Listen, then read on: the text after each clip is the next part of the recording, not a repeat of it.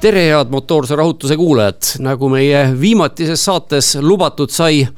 või mis lubatud, vihjatud sai, et meil ei ole tänavu kavas ühtegi plaanilist saadet, aga üleplaanilised saated pole kunagi välistatud, siis olge lahked ja palun väga, siin te kuuletegi üht üleplaanilist erisaadet ja selleks on väga hea põhjus, sest meil on täna saates külaline. mina olen Toomas Vabamäe ja minu vestluspartneriks täna on Ragnar Veerus. tervist minu poolt ka kes nüüd ei tea, kes on Ragnar Veerus, siis äh, Ragnar Veerus võitis ühe võistluse, aga vot mis selle võistluse nimi nüüd on, see on maailma kõige suurem võistlus omal ajal, aga Ragnar, kas ise seletad ära, mis võistlus see täpselt oli? ma võin seletada küll, põhimõtteliselt on tegemist äh, kardi maailmakarikaga, äh, nimelt siis nii-öelda Rotax klasside maailmakarikaga, nende idee ongi niisugune, et nad kutsuvad ise seda ja paljud, paljud ka tuttavad inimesed kutsuvad seda nagu kardiolümpiaks et äh, põhimõtteliselt tullakse kohale, mitte oma kartidega, koha pealt loositakse kardid, selleks on koostööd äh, nii-öelda raamipartneritega ja, ja, ja Rotax siis annab kõigile ka oma, omad mootorid. ja siis ongi, tulevad kohale kõikide riikide kõige paremad ja selgitatakse siis nii-öelda kogu selle regiooni kõige parem. ehk siis noh, meie, meie mõistes siis maailmakarikas nii-öelda no ametlik nimi on sellel võistlusel inglise keeles Rotax Max Challenge äh, Grand Finals ehk Just. võiks siis öelda Rotaxi sarjade maailmafinaal või midagi sellist, ehk kõigi tõepoolest üle maailma kõigi Rotaxi sarjade parimad tulevad sinna siis kokku ja, ja võistlevad oma, omavahel. no eestlastele see võistlus, see finaalvõistlus on tegelikult aastate jooksul ju väga noh, Eesti suurust või õigemini väiksust arvestades on tegelikult väga hästi läinud, sina, kui ma nüüd õigesti arvutasin, peaksid olema kuues eestlasest võitja Äh, kuues eestlasest võita ja ise olin kuuendat korda kohal ka. no vot, see oli, oli ka üks küsimusi, mida ma tahtsin küsida. mina olen vist käinud, ma ei mäleta, kas ka viis või kuus korda, nii et mul on tõsi küll. sarnased näitajad juba ja viimasest, viimasest korrast on küll mõned aastad möödas, aga selle eest ma olen kolm eestlaste võitu näinud, nii et see ei ole ka paha tulemus sina oled nüüd esimene nendest kuuest, kes on võitnud nii-öelda täiskasvanute klassis TD2-s, mis on kõige võimsam Rotaxi klass, ülejäänud neli võitu on tulnud juunioritest ja üks võit siis lausa, lausa mikrost ehk ja. kõige väiksemast klassist. Noh, sa oled praegu kakskümmend kolm juba, et see on kaardisõitja jaoks, ütleme nii, et on päris soliidne iga juba. päris soliidne iga, jah. et miks eestlased varem ei ole selles TD2-s läbi suutnud lüüa? Äh, raske öelda, ütleme niimoodi, et meil on olnud siin teatud lained äh, Baltikumi sisesed, et noh, et kuna me ikkagi nagu Eesti on väga väike, et siis nagu tasub alati Baltikumi nagu mõistes vaadata seda ja ütleme, viimane tugev TD2 sats oli tõepoolest niisugune kaks tuhat kümme, kaks tuhat kuni ütleme kaks tuhat kolmteist, neliteist, viisteist äärmisel juhul ja, ja siis, kui see nagu sats ära lõpetas, siis seal oli, noh, seal oli leedukast oli, oli meister, seal oli eestlane, oli kaks tuhat üksteist aasta oli Georg Vann oli ka TD2-ga poodiumil, seal oli üks lätlane käis äh, kaks tuhat kaksteist poodiumil ja ütleme, et see oli nagu selle, selle satsi tugevad tulemused ja siis nii-öelda teine sats ongi meil olnud nüüd juba kaks tuhat kakskümmend pluss, et kaks tuhat kakskümmend üks äh, oli, oli, oli lätlane TD2-s poodiumil, oli kolmas ja nüüd sel, sel aastal õnnestus mul ära võita, et selles mõttes on nagu aina, aina tõusuteel praegu läheb jälle no see, et sa Balti riigid teised ka sisse sõid, see oli jälle üks asi, mida, milleni ma tahtsin jõuda, et tänavu ju noh, sina olid finaalis eestlastest, aga oli ka kolm lätlast, nii et tegelikult see ju näitab meie siin kohapealse, kohapealsete sarjade, just nimelt mitte ühe ainsa sarja, vaid kohapealsete sarjade nii Eesti kui ka Balti sarja tugevust. Absoluutselt. Ja tegelikult ega mul ei olnud sel aastal endal nii-öelda kodumail väga suurt lööki, et ma olin Eesti kolmas ja pileti võtsin Leedust, kuigi sai sõidetud ka Nordicut, kus ma olen meister olnud ja sai äh, nii-öelda noh, üldse noh, siin, siin lähiregioonis on nagu varem võidetud palju, aga sel aastal nagu võida, võita koha peal väga ei õnnestunudki, et, et õnnestus pilet Leedust saada ja, ja selle pealt ma läksin nii-öelda maailma vallutama siis no vot Eesti, jah, Eesti meistrivõistlustel või õigemini see ei olegi need ametlikult ei olegi ju meistrivõistlused, et on. täna on Rotaxi ah,, peetakse ka meistrivõistlusi, et see oli mõned aastad tagasi veel teisiti. ja selge, Eestis olid jälle lätlased kaks esimest, nii et noh, kuna need, mhm. see riistvara on ju igal pool maailmas on ühesugune ja, ja võistlused on, käivad põhimõtteliselt ühtemoodi, kardid on kõik ühesugused, reeglid peaksid ka laias laastus ühesugused, siis põhimõtteliselt võid oma varustuse selga võtta ja põrutada, noh, ma ei tea, minu pärast või Brasiiliasse, kuigi noh, lihtsam oleks muidugi sealt võtta see kaart, et kõik peaks olema ju harjumuspärane. ja, et põhimõtteliselt ongi, et ega ei ole nagu seda erinevust, et lähed kohale, saad kaardi ja on, töötab nagu kodus selles mõttes, et nüüd muidugi Rotax tõi väikese uuenduse ka, et et järgmisest aastast on neil nii-öelda oma valatud silindrid, et, et nüüd nad äh, nii-öelda enam sisse ei osta neid. ja siis äh, saime ka esmakordselt proovida neid, aga noh, suurt vahet ei ole, ütleme väiksed nii-öelda häälelised vahed treenitud kõrv, treenitud kõrvadel olid, aga aga reaalsuses tegelikult ei ole nagu suurt vahet no ma tahtsin just selle mootorite loosimise kohta, vot raami, raamid ja mootorid loositakse, seal on põhimõtteliselt on siis nagu valmis pandud igale sõitjale, noh, kes tahavad vaadata, pildid on Rotaxi saitidel, kuidas kõik need nelisada karti umbes eri klasside, mhm. nelisada karti on ühes rivis, see on muljetavaldav pilt ja kuna ma fotograafina olen ise käinud ka nendel võistlustel, siis see on niisugune, niisugune pilt, mida kõik fotograafid tahavad hirmsasti saada ja, ja hirmsasti pingutatakse selle nimel. aga kui raamidega ei ole nagu erilist probleemi olnud, siis alati on nagu küsimus olnud see, et kui võrdsed need mootorid siis ikkagi on, mis seal välja loositakse see on järjekordselt väga keeruline öelda selles mõttes, et äh, muidugi mootorid on, äh, alati on mootoritel mingid vahed. et Rotax on mina ütleks keskmiselt vägagi võrdne, eriti just TD2-s, sellepärast et kui ka noh, nii-öelda paljudes muudes klassides on see, on see küsimus, et et kas mootor töötab natuke teises diapasoonis või, siis TD2-l on ikkagi kaks käiku ja, ja põhimõtteliselt on noh, see nagu andestab nii-öelda ka mootori tööl, kui tal on natuke vähem lõppu või natuke rohkem äh, algust või noh, sellised nii-öelda pisinüansid. ja, ja selle arvelt ma ütleks, et TD2 on nagu päris heas seisus, aga teisest küljest öeldakse, et näiteks Micromaxi, Minimaxi on nagu keeruline tööle saada, sellepärast et seal just need niisugused väiksed nüansid mõjutavad hästi palju seda elu. et äh, jah, ta on, ta on tihe ja ta ei ole kunagi sama, aga ta on suhteliselt sarnane, ma arvan, et Rotax on sellele nagu päris hea sammu lähedal, lähemale teinud võrreldes paljude muude sarjadega no kui sa nüüd rääkisid siin, et kõrvaga on kuulda erinevused, noh, tunde järgi sinu enda mootoritega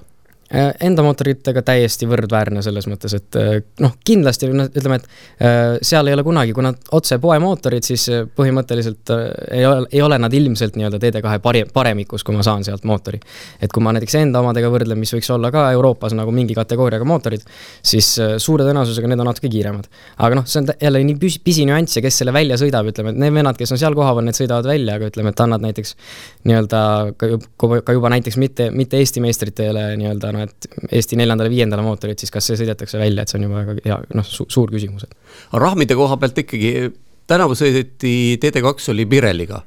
sina nüüd viimastel aastatel oled siin Baltikumis ka Pirelliga sõitnud? Äh, olen sõitnud jah, ütleme, see on ka üks põhjuseid, miks ma olen Pirelliga sõitnud, aga, aga teisest küljest mulle Pirel väga meeldib. ta on nii-öelda noh, seal järjekordselt väga niisugused pisinüansid, aga aga mulle meeldib just täpselt see, et Pirel on nagu hästi neutraalne raam, et tal on nii-öelda, kui me võrdleme nagu teiste raamidega, siis ta on kõrguselt on ta nagu keskmine toimivuselt on ta täpselt sihuke, et ta nagu ei jää raja külge kinni, samas ta ei ole ka liiga libe raam ja ta on sihuke noh, hea Harju keskmine ja ma ütleksin, et eriti mugav on ta kuskil väga heades äh, pidamistingimustes, nagu näiteks oli ka lõpuks Bahreinis. et äh, kui paljud kardid kipuvad minema noh, teatud jäikuste põhjustel ja nii edasi, lähevad hüppama, siis näiteks Pirelliga naljalt hüppama ei lähe aga aitas see sind ka, et oli sul selle raamiga niisugune lähem tutvus varasematest aastatest? Äh, ma usun kindlasti, sellepärast et äh, esiteks on kujunenud välja mingisugused seaded, millega mulle endale meeldib sõita. me teame, enam-vähem oleme katsetanud erinevates tingimustes, mida saab teha, mis mõjub hästi ja mis, mismoodi nagu üldse käitub. et äh, ma arvan, et see kindlasti andis meile teatud eelise eeldades, et meie kuulajad ei ole kõik kaardi nüanssidega väga kursis, no kaardil ei ole vedrustust ja selline keskmine tossukulutaja võib siis küsida, et vedrustust ei ole, no mida asja te seal siis veel seadistate? Äh, no, muidugi neid seadistamise võimalusi on tohutult palju, aga selles mõttes, et kõige lihtsamad asjad, kuna, kuna ei ole just täpselt vedrustust, siis nii-öelda kaardi jäikust sa saad mõjutada teiste aspektidega, mitte siis vedrustusega, näiteks kui, kui jäik on sul tagavõll ja ja nii-öelda ka väga, väga suurt äh, efekti omavad nii-öelda ka näiteks kaardi kõrgus eest ja tagant. et siis ta ongi reaalselt, kui kõrgel on ta maast, et siis nii-öelda mitte amortide kõrgused, et ja muidugi noh, mis ma tahan ise veel olles ise ka kunagi sõitnud nende asjadega, siis näiteks üks mis tundub täiesti arusaamatu kõrvalseisjale, istmetoed on väga oluline asi, mis määravad sõiduomadusi. on, tõepoolest ja, ja ka, ka seekord oli nii-öelda täiesti nagu lahkarvamusi ka sõitjate seas, et kui sa vaatasid ka rivisid, siis osad sõitsid, no et seal on nii-öelda nii-öelda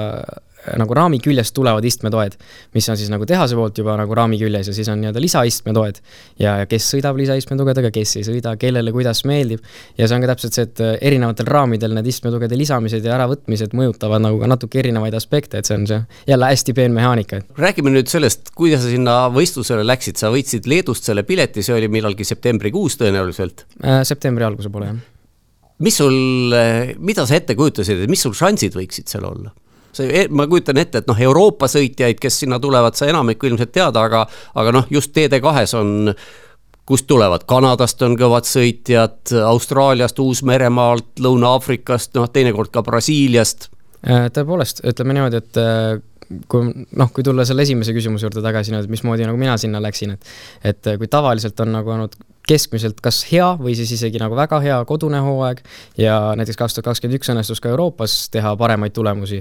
siis äh, nagu läksid teatud ootustega. sel aastal ma ütleks, kuna nagu kodune hooaeg ei olnud kuigi hea ja pigem kesine, et siis ei olnud nagu erilisi ootusi, et lootsin muidugi, et jah, et noh, et et seekord jah, lähme jälle ja proovime ja teeme, aga otseselt ei olnud sellist tunnet, et noh, nüüd see aasta võiks olla see aasta. aga võib-olla see just oligi hea. aga jaa, ütleme, et äh, sõitjatest, kes seal kohapeal on, et äh, tegelikult Euroopa konkurents on ikkagi kõige kõvem. et ka vaatasin nii-öelda eelfinaalide, finaalide ajal, et esikümnesse ikkagi eelkõige mahuvad eurooplased ja siis seal oli jah, tõepoolest kanadakaid oli äh,, oli ka üksikuid lõunaameeriklasi, kes ettepoole satuvad aeg-ajalt kvalifikatsioonis mahtus esigi kolme koguni iisraellane nii et äh, selles suhtes päris jah, ütleme, et põhiliselt on, on, on Euroopa, aga neid nii-öelda rahvusvahelisi nimesid ikka satub sinna. mingit kohta sa endale eesmärgiks ei seadnud või? Äh, no alati on eesmärgiks on olla parem, kui oled kunagi olnud varem, eks ole. ja mis sul enne varem oli parim tulemus? enne niisamuti ka Bahreinis kaks tuhat kakskümmend üks aastal olin kolmeteistkümnes ja, ja see oli ka täpselt niimoodi, et nagu vastupidistes oludes, et kuigi tuli mu parem tule-, parim tulemus tol hetkel, siis äh, tehniliselt ma arvan, et mul oli sellel aastal üks kõige kehvemaid nii-öelda tehnikaparke, mis ma olen nagu loosiga saanud sealt, et et jube raske oli kvalifikatsioonis, kuidagi õnnestus läbi suruda end eelfinaalidesse, noh, ehk siis nii-öelda kvalifitseeruda üldse finaali, ja, ja finaalis õnnestus tõusta, kas ma võin valetada, aga mingi kolmteist kohta äkki, et siis oli lihtsalt nii-öelda asjad sattusid õigel hetkel jälle nagu hästi kokku no tänavu käis, mehaanika oli hoopis teistsugune, et juba algusest peale paistis, et läheks päris hästi äh,. oli küll jah, ütleme niimoodi, et esimeses trennis justkui nagu midagi erilist välja ei joonistunud, aga teises trennis jaa, ütleme, et äh, läksime juba kohe nii-öelda kuna ka mootorid on uued, mis meile kätte antakse, siis mõtlesime just, et saame äkki mootori natuke paremini sisse töötada, panime natukene äh, nii-öelda äh, kiirem ülekanne, noh, nii-öelda siis aeglasema ülekande selles mõttes, et mootorile rohkem anda seda jõudu taha, et ta saab minna kõrgematesse pööretesse, natuke rohkem ennast kulutada, sisse töötada. ja, ja seda, puhtalt seda tehes me juba teises trennis olime kõige kiiremad. aga pärast seda meil jah, ütleme, et testisime siia-sinna, keskmiselt tulemused olid päris head, päris esiotsa ma ei kuulunud, aga näiteks viima-, viimase trenni eel meil üldse tekkisid piduriprobleemid, nii et siis ma olin üldse päris, päris tagaotsas, nii et kvalifikatsiooni minnes, ega ma ei teadnud, mis seisus ma olen tegelikult kvalifikatsiooni tulemus oli sul milline? Äh, oma grupi võitsin ja kuna teine grupp oli kiirem, siis kokkuvõttes olin teine. no see on ju väga hea ja, ja eelsõidud ma, kolmest eelsõidust ühe võitsid viimase, see oligi üleüldse kõikide, kõikide klasside peale kõige viimane eelsõit nüüd noh, selles mõttes nagu eelsõidud lõppesid eestlastele väga hästi. aga ma vaatasin ühte, see oli vist teine eelsõit, kus sa ka alguses juhtisid ja siis vajusid lõpuks vist kas neljandaks ja noh, mulle jäi selline mulje, et äh, algus oli nagu väga hea, aga kas siis oli rehvirõhk kõrge või mingi selline, selline sellised väiksed detailid? Äh, väiksed detailid jah, tegelikult seal oli üldse selline omapära jälle, et hommikul käisime soojendussõidus Äh, meil äh, olid juba eelmisest õhtust, noh, oligi eelmisel õhtul oli siis kvalifikatsiooni esimene eelsõit. Äh, kui kvalifikatsiooni eel meil olid piduriprobleemid niimoodi, mul kadusid täiesti esipidurid ära. Ja kvalifikatsiooni me saime pidurid tagasi, kõik toimis õnneks, aga esipidurid lekkisid jätkuvalt, siis sama juhtus ka õhtul eelsõidus, kuigi õnneks samamoodi tulemus tuli kõik kokku ja pidurid ära ei kadunud, siis hommikul, kui me käisime nii-öelda hommikuses soojendussõidus, siis mul pidurid ei olnud taaskord ees või õigemini noh, et üks pool oli, teist poolt ei olnud ja siis see oli nagu väga etteaimamatu. ja me olime väga palju käinud Pirelis sellega ja Pirel siis lõpuks otsustas, et hea küll, sa oled väga mitmendat korda juba siin. sa oled kiire ka, sa oled hea koha peal. Eh, vahetame sul kogu pidurisüsteemi ära, nii et ma tehniliselt läksin teise eelsõitu täiesti välja vahetatud pidurisüsteemiga. põhimõtteliselt eh, kettad olid sisse töötamata, klotsid olid sisse töötamata. nii et eh, kindlasti oli seal nii-öelda oma harjumise efekt oli üks probleem, et esimeste ringide jooksul ma ei suutnud päris, no tegelikult oligi, et, et enne starti oli ainult pool ringi ja ütleme, kaks tugevamat pidurdust, et ega ma ei jõudnudki eriti nagu ära harjuda olukorraga. ja siis esimesed ringid põhiliselt läkski harjumise peale, pluss me olime tegelikult mitte läinud just trehvirõhku kõrgeks, vaid tegelikult madalaks. et alguses võib-olla tõepoolest õnnestus põgeneda natuke rivi eest ära, sellepärast et oli äh, noh, taga läks võidusõiduks ja start oli väga hea, lähe oli väga hea, aga reaalselt hakkas nagu kõik toimima ja mingisugune enesekindlus tekkis viimaste ringide juures alles. Lähme nüüd, hüppame kohe finaali juurde, et aa, üks asi veel enne, kui me finaali juurde hüppame, vot sa mainisid ka siin, et hommikul, õhtul, seal tegelikult oli ju suur erinevus selles, et osad sõidud olidki päeval tavavalguses ja, ja teine osa oli õhtul siis kunstvalguses. no valgus valguseks, aga kuidas see temperatuuri erinevus tunda andis äh,? ikka andis ja ütleks niimoodi, et mulle isiklikult meeldisid õhtused sõidud rohkem. päeval läks ta ikkagi nii-öelda jõle palavaks ja mitte just nii-öelda siis ilma poolest ei olnud ebamugav, vaid rajatingimuste poolest. et äh, oligi, et sul oli, kui noh ka paljud trennid peeti õhtutel siis ja ka kvalifikatsioon näiteks langes pigem õhtusse, esimesed eelsõidud olid õhtul, siis põhifookus läks nii-öelda nagu õhtu ikkagi kiireks saamisele. ja, ja siis, kui näiteks teine eelsõit oli ka päeval, siis oli täpselt see, et täpselt nagu ei kujutanud ette, et kas julgeb minna natuke madalamaks rõhuga, pigem võib-olla püsida samas. me läksime natuke madalamaks, ma pigem arvan, me lõikasime näppu, aga teisest küljest nii-öelda noh, stardikoht oli ju hea ja õnnestus kõik ikkagi finaaliks kogemust tuli ka, et on ja, kuhu, kuhu sättida. just, aga samas ka finaal, ütleme, et ta küll algas nii-öelda päikseloojangus, aga, aga lõpuks ta ikkagi noh, nii-öelda õhk läks juba jahedaks ja ta nagu pigem rajale mõjus kogu aeg nagu, et niisugune õhtune nagu seisukord oli rohkem. no õhk läheb jahedamaks, mootorile meeldib see rohkem, et saab, saab, põlemisõhk on rohkem hapnikku ja jahutab ka paremini. absoluutselt, aga põhiline vahe oligi ilmselt see just see nii-öelda rehvide toimivus ja kuidas kuidas sel-, sel-, sellega nagu paika panna esiteks rõhud ja teiseks ka nagu sõidu poole poolt pealt, et äh, väga palava ilmaga ta ikkagi hakkas nii-öelda noh, kardimaailmas kasutatakse niisugust terminit nagu mätsima, et, et äh, pigem tegi nagu sõitmise päris keeruliseks. niisugune piiri peal hoidmine. just, täpselt. räägime nüüd ikkagi siis lõpuks sellest äh,, mitte väga lõpuks, aga järg, järgmise punktina finaalist. Läksid teisest reast alguses Jakub Pesel, kes äh, startis esireast, läks kohe teises kurvis juhtima ja noh, tundus, et kaobki eest ära. mingil hetkel mulle tundus, et see oli niisugune strateegiliselt õige hetk, kui sa tõusid teiseks. miks ta strateegiliselt õige tundus? Sellepärast, et sinu taga läks kohe siis hirmus võidusõit lahti, see tähendab, et hakkas sinu selja taga tekkis tühi koht, kas sa ise tunnetasid seda olukorda ka samamoodi või oli see lihtsalt juhuste kokkulangemine? põhimõtteliselt ma tunnetasin seda olukorda, sest et ma nägin ka nii-öelda, kui me stardisirgelt mööda sõitsime, siis seal oli suur ekraan. me nägime sealt ka natuke ringiaegasid, kes tuleb missuguste aegadega taga ja siis, kui nii-öelda kiired ajad, siis läheb lillaks, on ju. noh, kõige kiiremad ajad. ja siis ega ma nägin, et tegelikult kõige kiiremad mehed on meil alles selja taga ja oligi sihuke hea hetk oli, et enne kui ma teiseks läksin, et sihuke ringike, kus ma võtsin nüüd rahulikult ja ma vaatasin, minu ees on,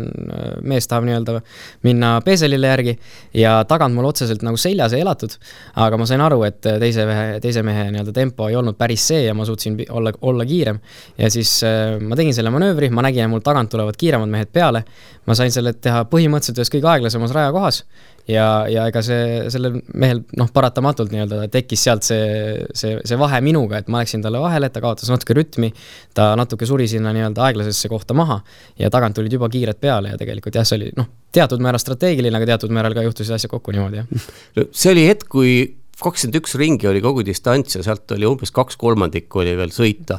Pjeselega oli sul siis vahe ma vaatasin nüüd ringitabelist null koma seitse sekundit sel hetkel. ja, ja vaikselt-vaikselt hakkas see lähe, vähenema, et oli sul selline tunne ka, et võiks talle järele jõuda? Äh, oli küll, ütleme, et esimeste nii-öelda vabade ringide jooksul oli põhiline see, et, et tagant ei tuldaks peale jälle. Äh, et siis nagu hoidsin, eelkõige hoidsin pilku ikkagi selja taga äh, just siis nii-öelda kiir-, noh, aeglaste kurvide järel, kui oli lihtne vaadata, aga aga siis, kui taga läks võidusõiduks ja suht kähku läks, siis see võttis ka endal nagu rohkem stressi maha ja siis ma sain aru, et no nii, nüüd on aeg minna. ja hakata Tšehhile järele võtma, aga see vahe tuli väga aeglaselt maha ja ja ütleme, et ta ei olnud kordagi demotiveeriv, sellepärast et äh, kogu aeg ma vaikselt tulin, kogu aeg ma surusin selle jaoks, et ma tulin, et ma tuleks, aga teisest küljest ka, ka noh, et kogu aeg oli niisugune surumine, et et, et natukene ma tundsin, aga ma ikkagi lõpus tapsin ka refi omal ära liiga, et et seda mulle ka kõrvalt ütlesid pärast äh, mõned inimesed, kes nii-öelda terava silmaga oskasid vaadata, et sa vist surusid üle mingil hetkel seal. ja siis ma tunnistasin, et jaa, ei tegelikult küll, jah no vahe läks jah, null koma seitsme pealt läks null koma nelja peale, siis püsis seal pikka-pikka aega, siis viimasel ringil, kas see oli nüüd, andis Pesel järele või sa, või sa läksid ise nüüd sellise viimase kaardi peale, et, et nüüd, kas nüüd või mitte kunagi? Äh, eks ma ise muidugi hoidsin jah kõvasti pulssi peal, aga tegelikult Peeselil oli niisugune olukord, et vahe oli noh, niisugune noh, null koma kolm pluss natuke. ja ega ta ei osanud nagu otseselt midagi ette võtta, et ta nagu vaatas selja taha kogu aeg ja. ja siis mõtles, et, et kas nüüd minna katma, mitte minna katma ja siis ta sõitis niisuguseid väga tobedaid poolkatvaid jooni. mis nii-öelda ei oleks mind otseselt kuhugi tõrjunud. aga teisest küljest ta nagu teadis, et ta igaks juhuks hoiab nagu mingeid nurki kinni. ja siis ta tegelikult lihtsalt äh, poos ennast nii maha sellega ja kaotas rütmi, kaotas tempo, nii et ta viimased kurvid reaalselt pidi katma. aga ma arvan, et oleks olnud, ütleme näiteks ka mingi kaks-kolm ringi rohkem, ega ma poleks selle arvelt varem ründama pääsenud. noh, null koma neli sekundit võib tunduda nagu tohutu, tohutult väike, aga noh, kaardisõidus see on põhimõtteliselt selline vahe, et sealt rünnata ei õnnestu ju. Eh, ega ei õnnestu jah, et lõpus jah, siis kui ta tõesti hakkas katma ja vahe tuli sinna niimoodi. no ütleme, et kui ma ka üle joone tulin Peeseliga koos, eks ole, siis mul oli vahe, ma olin tal otse selja taga, meil vahe oli null koma üks. null koma üks millegagi oli jah vahe. põhimõtteliselt, et see, see oligi nagu, see nagu ei olnud kaardivahet, aga kui panna nii-öelda need, mis oli nelikümnendiku vahe, et siis põhimõtteliselt see oli nagu kolm kaardi pikkust vahet kogu aeg, et nagu me teame nüüd, kes veel ei tea, siis nüüd kohe saab teada, et sa said esikoha tänu sellele, et Piesel teenis viis trahvisekundit. kas sa nägid seda olukorda, millega ta selle teenis, stardis kuidagi millegagi, kas ta oli siis õigest koridorist väljas või mis seal täpselt see teema oli? Äh, ta stardi ees sai ja kusjuures ma olin ise väga üllatunud äh, stardi hetkel, et start üldse lahti lasti. sellepärast, et äh, nii esimeses stardi hetkel, no nii-öelda, et kaks starti prooviti meil anda, esimene kord otsustati starti ei anta, teisel korral anti start, mõlemal korral proovis Peesel olla siis liidrist eespool stardijoonel kuna ta teiselt kohalt läks, oleks ta pidanud olema muidugi joonel taga. ja, ja teinekord lastigi lahti niimoodi, et Peesel oli juba noh, noh varastaski stardist ja sellepärast tal õnnestuski esimesse kurvi üldse esimeseks minna, et, et endal mul oli nagu hea plaan peas, et noh, et kolmas koht, liider võtab stardi otse liidri järel, et ideaalis oleks nii-öelda esimese kurvi järel teine. aga reaalsus oli see, et ma olin esimeste kurvide järel neljas-viies aga sõidu keskel oskasid sa aimata ka, et tal võib sealt karistus tulla? teada äh, muidugi ei saanud seda, aga. et teada ma ei saanud seda, ütleme niimoodi, et ma kogu selle tuhina juures muidugi suutsin ära unustada selle sõidu jooksul. aga, aga stardi järel ma olin täiesti veendunud jah, et muidugi jaa, Pesel saab karistada selle eest, kui start niimoodi las-, lahti lasti. aga sõidu järel mulle pidi meelde tuletama jah, et Pesel tegi vale stardi, siis ma olin nagu jaa, ei, muidugi oli jah kui kaua nüüd sellega aega läks ja kuidas need, kuidas need sündmused edasi arenesid, suudad sa nagu oma selliseid meeleolusid edastada, et mis siis edasi sai, kui sa olid seal finišeerinud? Äh, ma olin finišeerinud, ma olin tegelikult väga rahul, sellepärast et äh, noh, nii-öelda kogu aeg seal esiotsa lähedal olles noh, muidugi tekkis see tunne, et noh, tahaks poodiumil lõpetada, on ju. Äh, see õnnestus ja, ja tegelikult ma olin ju väga kiire, nii-öelda väga kiiresti ka liidrile lähenemas. see, et ma liidrit kätte ei saanud, noh, see oli täpselt see, et ega noh, tegin kõik, mis suutsin, päris kätte ei saanud ja, ja siis lõpuks, kui äh, sai maha tuldud äh,, kaalumistelt läbi käidud, kõik oli korras, kaart tehnilisse lükatud, siis mulle nii-öelda juba mehaanikud, asjad tuletasid meelde, et, et noh, et soovisin muidugi õnne algselt ja ja siis tuletasid meelde, et ah, et tegelikult ju Peesel tegi vale stardi, et, et äh, mine uuri korra selle kohta ja siis ma olin ise ka, mõtlesin, et hea küll, et ma lähen küsin kohtunike käest, et mis, mis seis on, kohtunikud põhimõtteliselt lehvitasid mulle juba ukse pealt, ütlesid, et, et, et nad teavad juba, nad teavad kõike. et äh, rahu, rahu. siis ma otsustasin, et okei okay,, ma rohkem torkima ei lähe ja hakkasin tulemusi ootama ja siis, äh, kui Peeseli karistus tuli välja, siis oli, oli selge, et mulle põhimõtteliselt juba tehnilises pargis sooviti õnne, et äh, palju õnne, maailmameister kas sulle tundub, et Peesel ise ka teadis seda? Äh, ma ei ole päris kindel, kas ta mäletas muidugi ka vahetult peale sõitu, aga päris kähku muutus ta päris nii-öelda noh, nägu läks natuke pikaks ja päris tõsiseks muutus ja siis, kui öelda mina läksin juba otsima kohtunikke, siis tema oli selle aja peale põhimõtteliselt sama, samamoodi kohtunike poole juba teel, ta oli sinna kutsutud. nii et äh, paraku jah, ta ilmselt sai päris kähku sellest teada, kui ta seda kohe ei mäletanud tal ikkagi selles mõttes vedas, et te olite ju kahekesi sealt nende võitlejate grupist nii kaugel ees ära ligi viis sekundit, nii et see viis sekundit trahvi, mis ta otsa sai, kukutas ta mitte teab kui kaugele, vaid, vaid kolmandaks, et ta mm -hmm. ikkagi pjedestaalil jõudis, et kui me siin vaatasime mingisuguseid väiksemaid klasse, siis seal viiesekundilise trahviga võis kukkuda kuskile kahekümnendale kohale täiesti rahulikult. Äh, jaa, isegi kui näiteks mõelda tagasi, et äh, Minimaks, kus siis Nikita Ljubimov lõpetas teisena, et et seal samamoodi, et liider sai, äh, kuskil oli nii-öelda noh, jälle läks kitsaks, toimus raja lõikamine viimasel ringil ja esimeselt kohalt kukuti noh,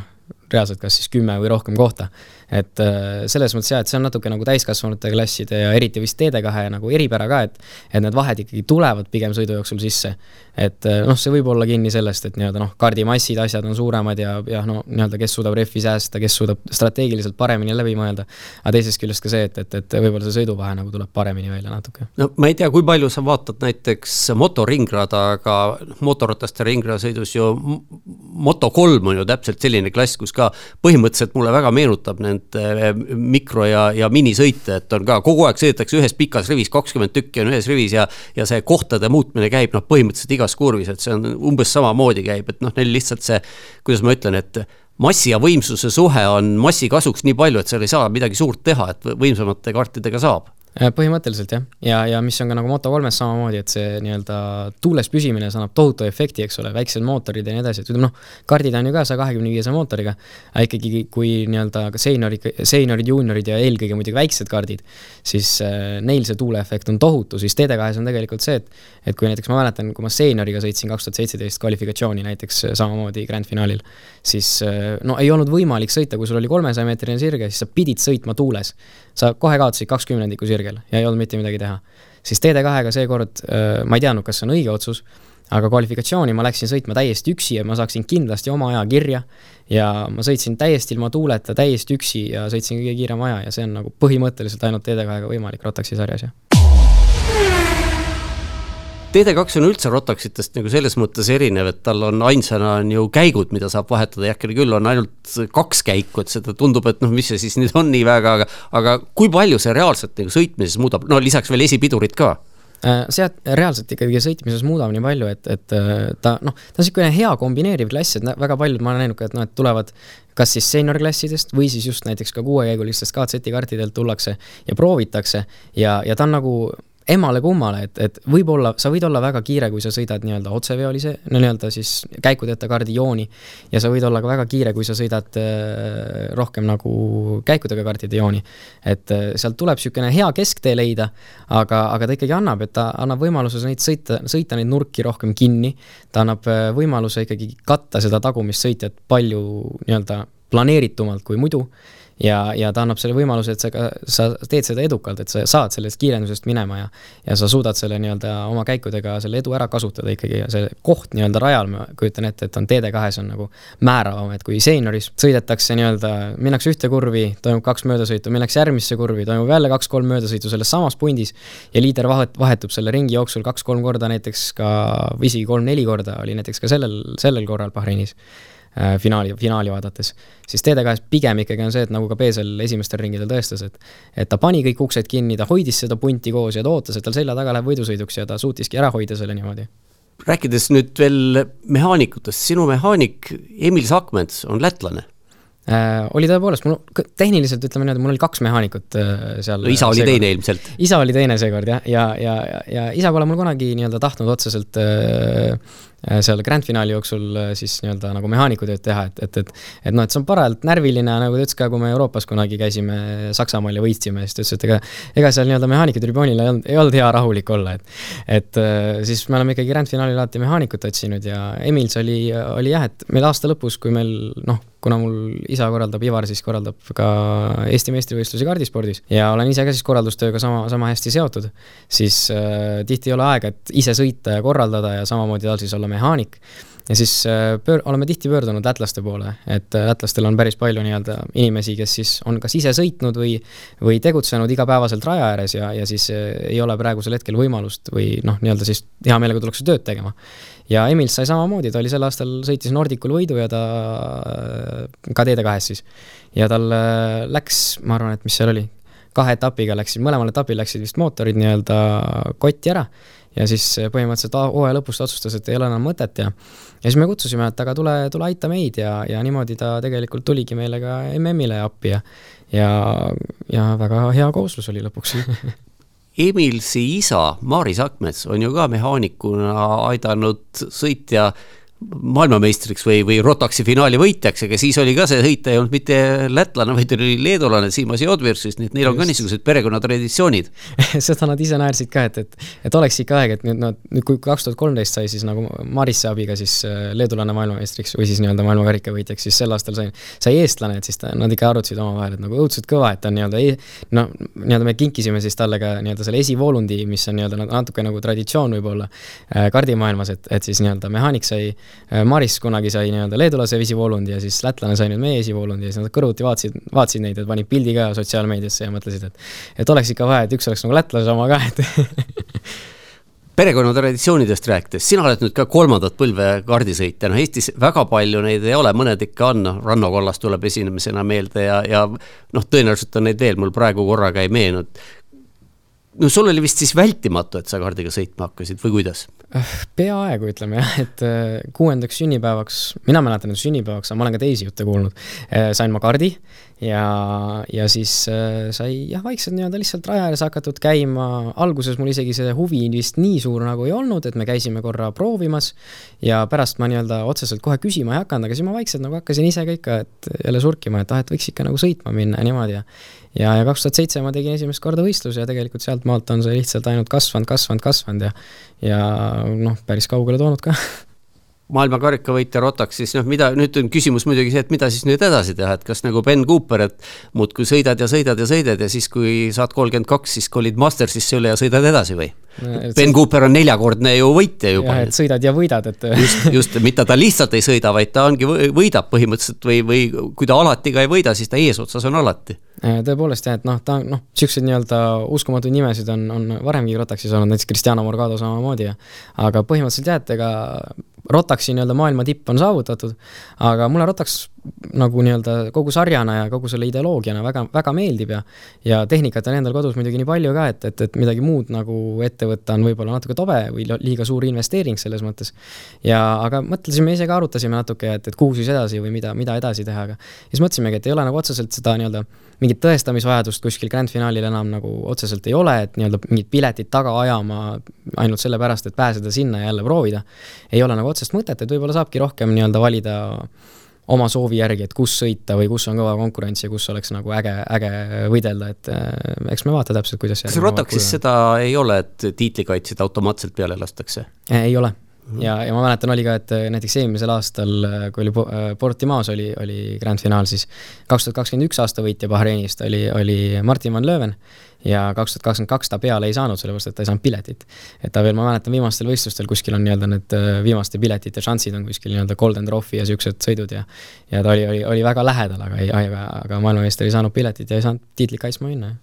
no sa oled sõitnud KZ-iga ka ja sa oled otseveolistega sõitnud, et kuidas sa võrdleksid, noh selge see, et noh, KZ on võimsam, ta on kiirem üldse, need FIA klassid võrreldes, Fiat Ziki klassid võrreldes Rotaxiga, need on kiiremad, aga aga kui me nüüd vaatame kardisõitu kui ettevalmistust nii-öelda päris autospordiks, siis minule tundub, et sisulist vahet seal ikkagi lõppeks ei ole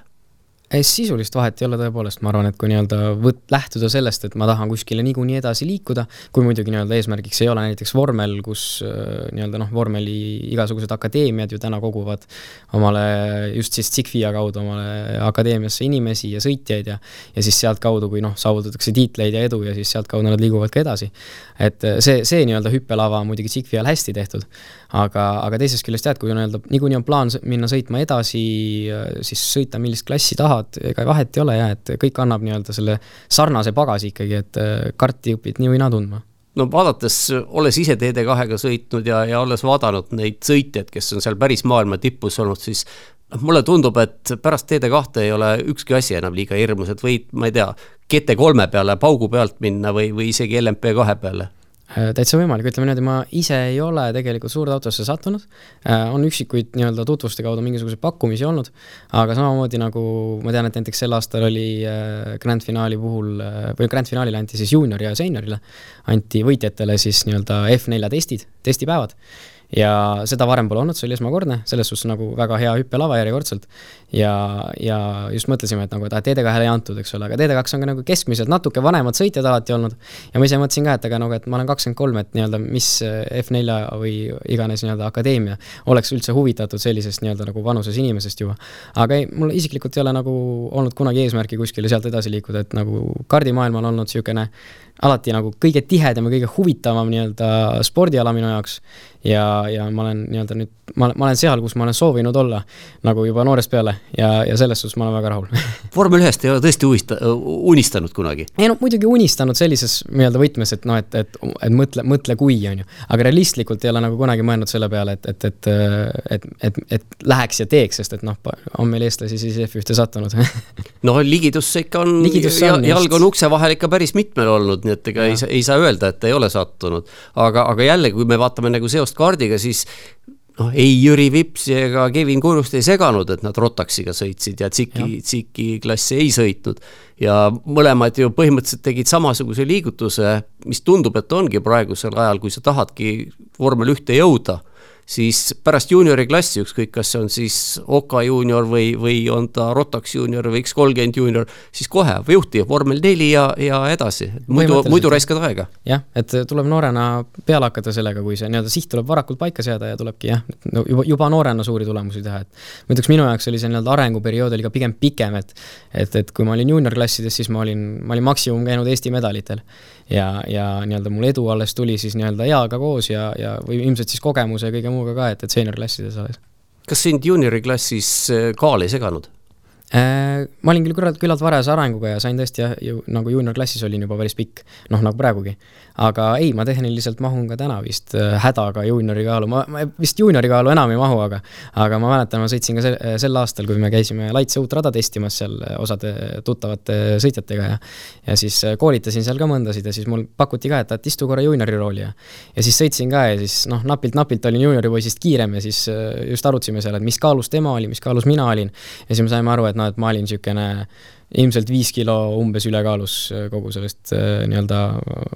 komplektist, mis seal oleks pidanud olema. no viis kilo on päris palju, juunioril on palju, sada kuuskümmend või palju tal see äh,? seenior on täna sada kuuskümmend viis, ma, kusjuures ma ei mäletagi, mis see juuniori kaal on täna, äkki on sada, sada viiskümmend viis äkki ma kujutan ette no ja seal see viis kilo on tegelikult väga, väga suur vahe, sest kui sõitjad ikkagi siin teinekord arutavad, et peaks külgedelt kleepsud kardil maha võtma. Äh, no ma ütleks, et see on muidugi omamoodi ekstreemsus jah, aga põhimõtteliselt jaa, et, et eks ta äh,